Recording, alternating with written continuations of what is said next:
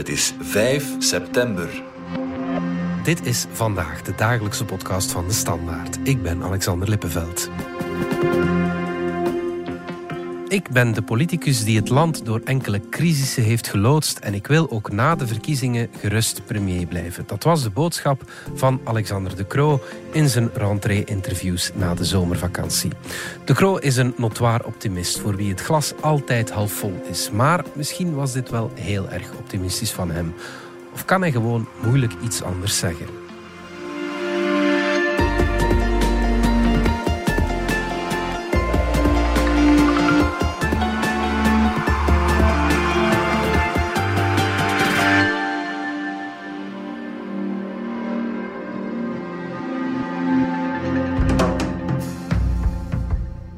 Jan-Frederik Abeloos, chef uh, politiek. Het is september, de politici gaan uit zomermodus. Je hebt uh, vorige week premier Alexander De Croo geïnterviewd. Wat voor een indruk gaf hij? Hij zag er uh, ontspannen uit. Ik had de indruk dat de voorbije maand hem toch deugd had gedaan, omdat zijn regering ja, toch wel wat met blutsen en builen het vorige politieke jaar beëindigde. Mm -hmm. En nu met duidelijk goede moed begint uh, premier Alexander De Croo aan uh, ja, wat toch zijn laatste reguliere jaar zal zijn mm -hmm. als premier van deze regering. Je weet natuurlijk nooit hoe lang deze regering ook nog in lopende zaken zal blijven na de verkiezingen. In dit land kan dat soms heel lang duren. Ja, laten we hopen van niet. Maar uh, op papier is hij dus aan zijn laatste jaar begonnen ja. als premier van België. Ja, ja, inderdaad, die blutsen en builen. Dan heb je het over die fiscale hervorming die gestrand is. Ze hebben Onder nu iets andere. anders ja. gedaan voor onze portefeuille. Die staatsbon. Ja. Ik denk dat dat wel uh, een succes is geweest in, de, in hun ogen. Hè? Dat wordt zeker als een succes beschouwd. In politieke kringen had men eigenlijk nooit initieel gedacht dat die staatsbon zo populair zou worden. Ja, het is net geen 22 miljard geworden. Dat is een pak meer dan verwacht. Ja, terwijl initieel, herinner je, had men het over ja, misschien 2 miljard dat uit de ja. uh, spaartegoeden zou gehaald worden. Het is dus echt een, een veelvoud daarvan. Mm -hmm. Misschien nog belangrijker voor minister van Financiën Vincent van Petegem. Ja, heeft het ook wel toch wel zijn effect niet gemist in de bredere bankaire wereld. Het is nu niet dat de rente op alle mogelijke spaarproducten enorm de hoogte is gegaan. Mm -hmm. Maar het signaal is toch gegeven aan de banken dat ja, achteroverleunen en de spaarder echt met een, een bijna een aalmoes tevreden stellen wanneer die geld parkeert bij de bank, ja, dat zou toch een beetje anders moeten in de toekomst. Ja, ja nogthans, de gouverneur van de Nationale Bank, Pierre Wunsch, die zei dat er te veel geld is opgehaald, dat, er, dat het niet voor herhaling vatbaar is. Waarom zei hij dat? Hij verkondigt dan, uh, laat ons zeggen, de, de, de kant van de banken, hmm. waar men met ledenogen toeziet hoe dat natuurlijk de overheid een financieel product in de markt zet dat op een andere manier zal belast worden dan soortgelijke ja. financiële producten, uh, zoals bijvoorbeeld termijnrekeningen. En dat zit hem natuurlijk ook bij die fameuze de 15% roerende voorheffing die maar moet betaald worden wanneer je kiest voor zo'n staatsbon. In plaats van 30. In plaats van 30, ja. En dat heeft gewoon de regering eigenhandig beslist. Dat is het ja, voortrekken van de staatsbon op andere financiële producten. Mm -hmm. En daar heeft men toch altijd flink over gemord bij de banken, die natuurlijk nu ook zien dat er meer spaartegoeden dan gedacht weggevloeid zijn. Het gaat ja, bij sommige grootbanken zoals België echt over miljarden mm -hmm. die nu niet meer daar op de spaarboekjes staan. Het zijn dus miljarden die die banken niet meer kunnen inzetten om hun eigen rekeningen, laat ons zeggen, op orde te krijgen en ja. hun uh, businessmodel te laten draaien. Dus dat zal natuurlijk voor wel wat gemopper zorgen. Ja, laat ons even luisteren naar wat uh, De Croo zei op VTM over die staatsbon. Wat daaruit komt is dat de Belgische burger veel vertrouwen heeft in de Belgische staat. Als de burger zoveel geld toevertrouwt aan de overheid, dan moet het vertrouwen in de overheid ook wel groot zijn. Dat is de redenering van De Croo. Heeft hij een punt of is dat misschien wat uh, voluntaristisch? Goh, je zou kunnen zeggen dat, uh, dat uh, de gemiddelde Belg, of toch diegene met wat spaargeld, gewoon zijn rekening heeft gemaakt. Hè. Ja, het was het meest interessante financiële product van het moment. Mm -hmm. Het was eigenlijk ook al aangekondigd dat het eenmalig zou zijn. Dus ja, dan krijg je een soort van hype. Niemand wil de boot missen. Misschien dat er vele Belgen die hebben ingetekend misschien niet nu nog zozeer de overheid vertrouwen, maar wel denken van ja, eindelijk, men heeft iets gedaan voor ja. mij en uh, daar ben ik niet trouwig om. Maar natuurlijk, het typeert premier De Croo dat hij ook dit probeert, ja, laat ons zeggen, uh, te gebruiken om het imago van zijn regering op te blinken, om Vivaldi te verkopen als een regering die goed gedraaid heeft en die het land beter achterlaat dan dat het gevonden heeft. Dat is iets dat hij zal blijven volhouden tot de dag van de verkiezingen in juni. Ja, oké. Het is misschien ook een mooi cadeau voor zijn kiespubliek als je ziet dat er voor meer dan 30.000 euro gemiddeld uh, is ja, ingetekend. Dan, moet er, uh, dan moet er toch al een paar heel grote bedragen ook zijn in de pot gelegd. Ja, want je kon vanaf 100 euro uh, inleggen. Dat, dat, het gemiddelde zo hoog ligt, wil toch zeggen dat er flink grote bedragen ook zijn geïnvesteerd. Ja. ja. De politieke zomer was relatief rustig voor de federale regering, kunnen we wel zeggen, denk ik. Maar dit jaar is toch weer op gang getrapt met een crisis zeg maar, rond uh, asiel en migratie. Uh, staatssecretaris De Moor die zei plots dat alleenstaande mannen geen opvang meer zouden krijgen. We hebben inderdaad de beslissing moeten nemen om geen alleenstaande mannen meer op te nemen in het opvangnetwerk van Fedasiel. Dat zorgde voor een tweedeling in de regering. Groenen en Socialisten waren het daar niet mee eens. Is die crisis al bezworen? Uh, nee, nee, omdat ja, die asielcrisis moet bij wijze van spreken nog, nog echt vol op zich aantrekken. Dus het was een voorafname hè, dat Nicole de Moor deed. Dat heeft ze zelf ook uh, op die manier toegelicht. We hebben ook heel wat capaciteit gecreëerd, maar die capaciteit is natuurlijk niet oneindig. En als we die vrouwen, ouders en kinderen willen blijven opvangen, dan moeten we de beslissing nemen om de komende tijd geen alleenstaande mannen meer op te nemen. Op zich is er op dit moment nog niet de meest acute asielcrisis, maar de seinen staan wel op rood. Mhm. uh, er is al een historisch hoge opvangcapaciteit van zo'n 35.000 plaatsen en je ziet nu al dat het niet genoeg is. Er is nu al een wachtlijst. Die is er ten andere al vele maanden. Mhm. Wat Nicole de Moor gedaan heeft, is eigenlijk een situatie die in de feiten al bestond. Namelijk alleenstaande mannen geraken nog heel moeilijk in het opvangnetwerk van vetasiel. Mm ja, om dat gewoon te formaliseren, van tot nader orde komen komen ze niet meer van die wachtlijst af. Hmm. En dat heeft wel ja, een beetje voor een schok gezorgd aan de linkerkant van de coalitie, waar vooral de Groenen, Ecolo en uh, Groen, maar ook eh, de PS bij de Socialisten, ja, zich toch wel vragen stelden bij die demarche van Nicole de Moor. Mhm. Maar het moet wel gezegd, de beslissing geldt nog steeds. En er is nog altijd geen communiqué binnengekomen van de PS, nog van de Groenen, dat zij daar nu conclusies uh, aan koppelen. Dus hmm. Het lijkt een beetje op ja, het met de woorden veroordelen, maar het uiteindelijk wel mee in de regering ondergaan. Ja, waarom is dit zo'n terugkerend thema, Jan Frederik? Het lijkt wel alsof dat nooit ten gronde wordt aangepakt. Hè? Ja, wel, dat is omdat het dus nooit te gronden wordt aangepakt. Ja, eh, zeg je het. Maar waarom doen ze dat niet, vraag ik mij af. Wel, omdat het uh, voor een groot deel natuurlijk een Europees probleem is. En het is ook dat wat Nicole de Moor meteen heeft en ook uh, premier De Croo in hun communicatie meteen hebben proberen koppelen. Maar wij gaan als België niet het probleem oplossen van de andere Europese landen. Iedereen moet daarin zijn deel doen. Dat zal mijn voornaamste boodschap in Europa zijn. De andere landen moeten ook hun deel van de inspanning doen. Van, ja, wij kunnen wel blijven plaatsen creëren in België. En opnieuw, dat doen we. We hebben er, ik zeg nu we, hè, dat is wat Nicole de Moor en, en premier De Kroot verdedigen. Er zijn heel veel plaatsen. Wij doen een zeer grote inspanning. We gaan alles aan het werk zetten om ervoor te zorgen dat er bijkomende plaatsen uh, gecreëerd worden. En we gaan er alles aan doen om ervoor te zorgen dat mensen niet in de straat moeten slapen. En zeker gezinnen met kinderen niet in de straat moeten slapen. Maar, maar goed, als natuurlijk aan de instroom mhm. daar de boel niet wat meer onder controle krijgt, ja, dan is het, om de versleten metafoor te gebruiken, dweilen met de kraan open. Ja. Zolang wij geen beter gecontroleerde buitengrenzen hebben en ook een eerlijker verdeling van die asieldruk binnen Europa, moeten wij dit soort maatregelen nemen, nogmaals om te vermijden dat kinderen op straat terechtkomen. Goed, laat ons eh, even vooruitkijken. Binnenkort is er een begrotingscontrole. Dat is uh, traditioneel zo in het najaar. Uh, wat mogen we daarvan verwachten?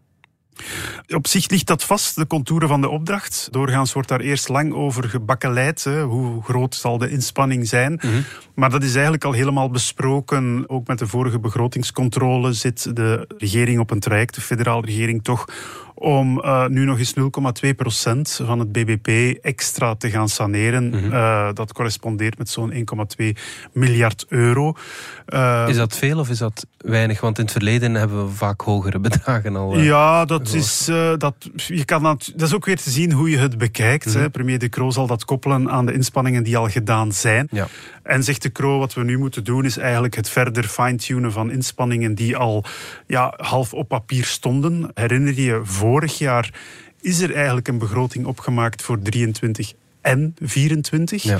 Natuurlijk moet nu niet alleen gezien worden of de zaak op koers blijft, maar moet er dus nog een extra inspanning blijven. Als we die begrotingen 24, 25 en 26 hetzelfde tempo aanhouden, dan zijn we uit de gevarenzone. En voor mij is dat de prioriteit. Is ervoor te zorgen dat die stappen die we de voorbije maanden gezet hebben, dat we die verder blijven zetten om onze begrotingen veilig vaarwater te houden. In de, het licht van ja, vorige begrotingsopmaken of uh, laat ons zeggen grotere opdrachten, zou dit een meer bescheiden probleem moeten gaan worden. maar dat wil niet zeggen dat er uh, geen ruzie uh, rond Nee, nee, nee, dat kan. Want wat je nu ook ziet, is dat sommige partijen, om de PS niet bij naam te noemen, hebben het eigenlijk nog steeds moeilijk met het feit dat die fiscale hervorming eind vorig politiek jaar is komen te overlijden. En dan zeker eh, PS-voorzitter Paul Magnet, ja, die hamert er nu op van ja, moeten we die fiscale hervorming toch niet opnieuw gaan een kans geven. Mhm.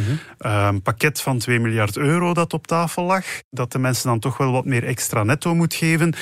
Nu goed, dat is op zich ook al een beetje campagnepraat, want je hoort wel achter de schermen en zeker ook bij de liberalen, die fiscale hervorming gaat niet uh, lukken deze legislatuur. Wat er eerder zit aan te komen is dat men een aantal uh, financieringsbronnen voor die hervorming, zoals een hogere effectentax bijvoorbeeld, of hier en daar een hogere btw, ja, nu misschien zal heropvissen om die begrotingsoefening okay. uh, eh, van, van straks wat. Net die dingen waarop het gestrand is eigenlijk. Uh, dat is wel. Ja, maar het verschil is, dat was in het regeerakkoord stond dat als een te onderzoeken iets. Er mhm. zou een voorstel komen, dat ging voorbereid worden. Maar er was een inspanningsverbindenis, geen engagementsverbindenis. Mhm. Dat is anders natuurlijk bij de begrotingsgesprekken, waar in het regeerakkoord heel duidelijk staat dat een derde van de inspanning uit nieuwe inkomsten zal komen. Dat wil zeggen, op 1,2 miljard moet je 400 miljoen gaan zoeken met nieuwe inkomsten. 400 miljoen wordt wegbespaard en 400 miljoen zijn de fameuze diversen. Ja. Ehm, en dus is de vraag waar men die 400 miljoen zal gaan halen. Ehm, ja, ik denk dat de effecttax, de verhoging ervan in het kader van de fiscale hervorming voor zo'n kleine 400 miljoen ingeschreven stond in uh, de tabellen. Dus ja. ja, wie weet zien we die straks terug.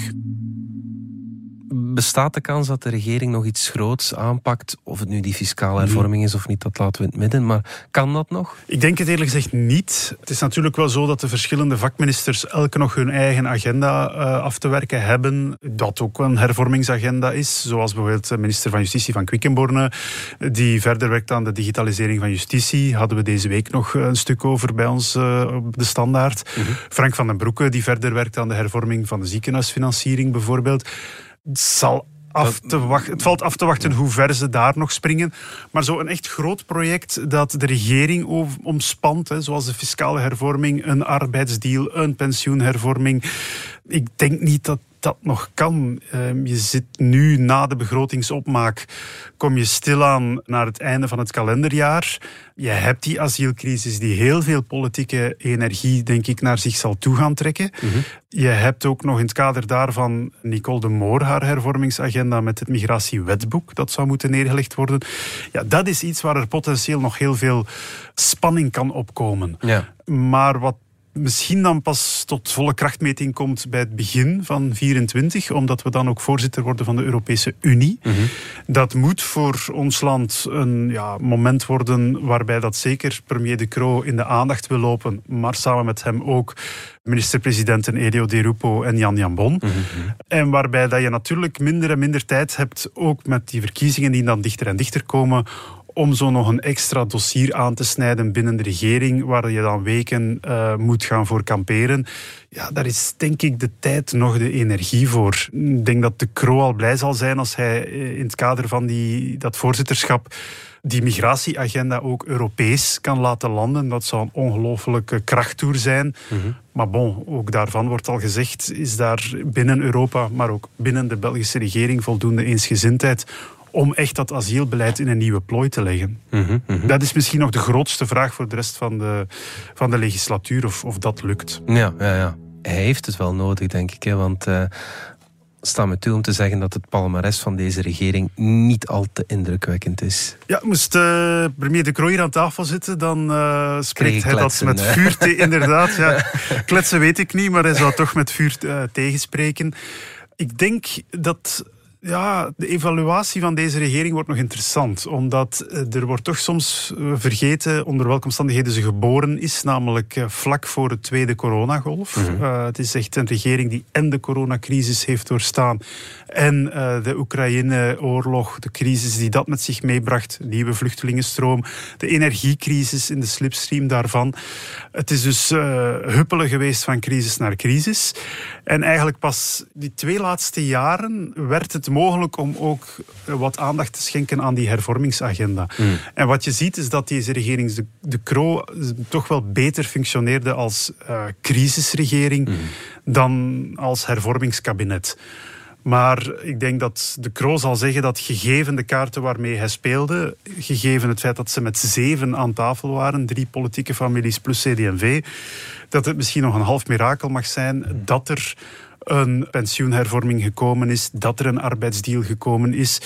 En dan moeten we ook, denk ik, toch ook stilstaan bij de verlenging van uh, de nucleaire centrales. Mhm. Dat was toch wel iets wat helemaal onverwacht was. Het regeerakkoord spreekt van een kernuitstap.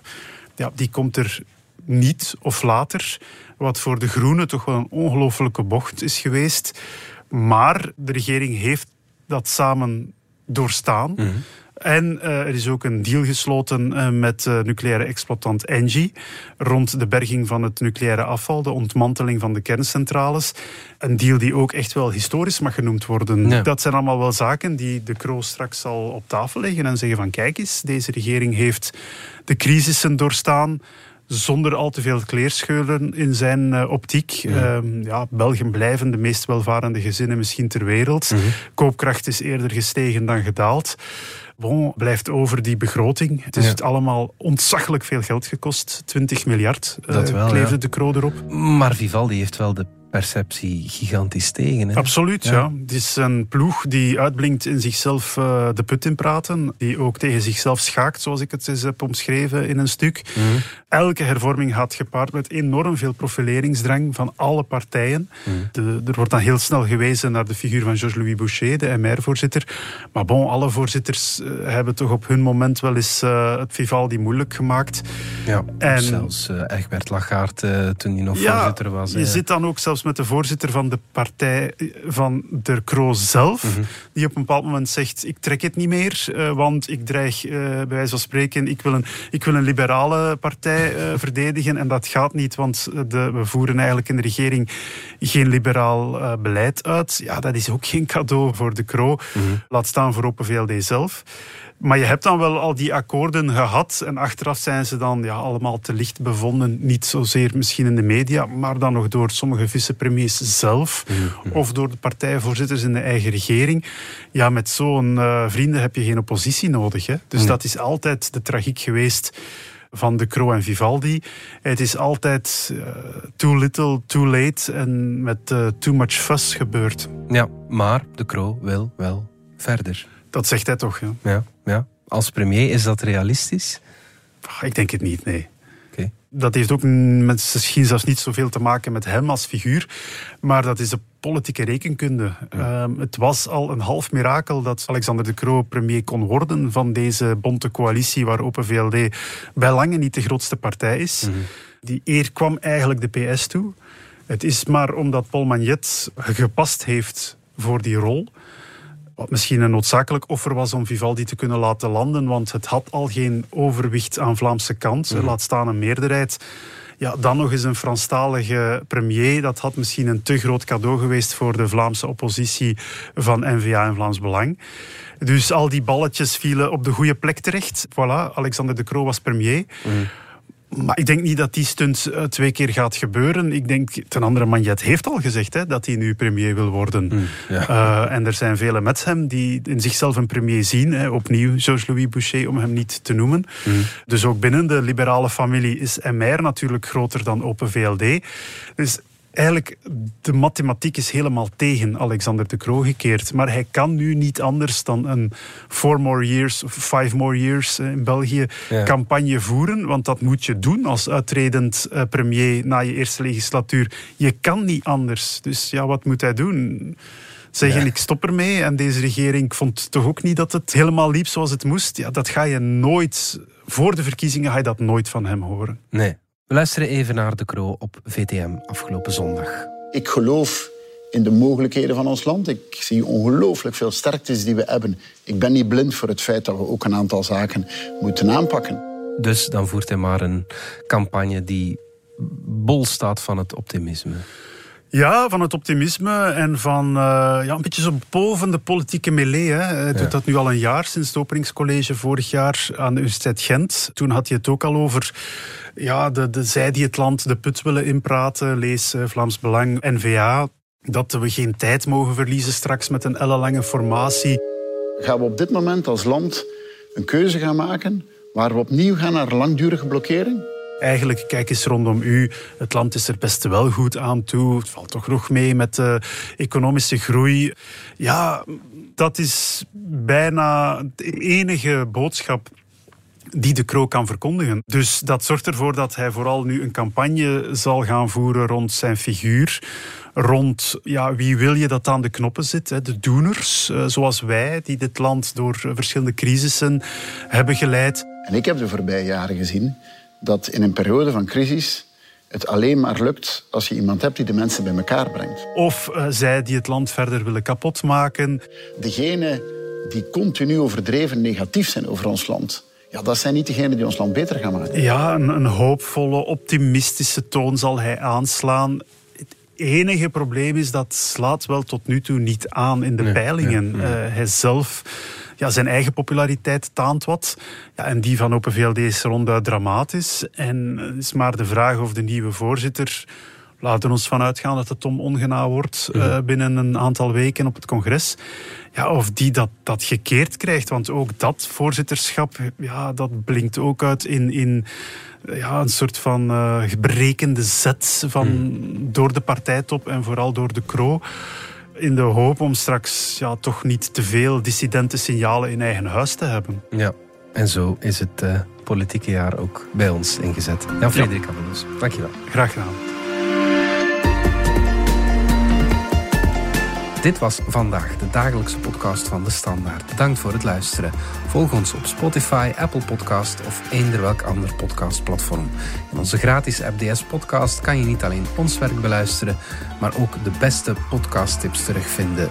Alle credits van de podcast die je net hoorde vind je op standaard.be-podcast. Reageren kan via podcast.standaard.be.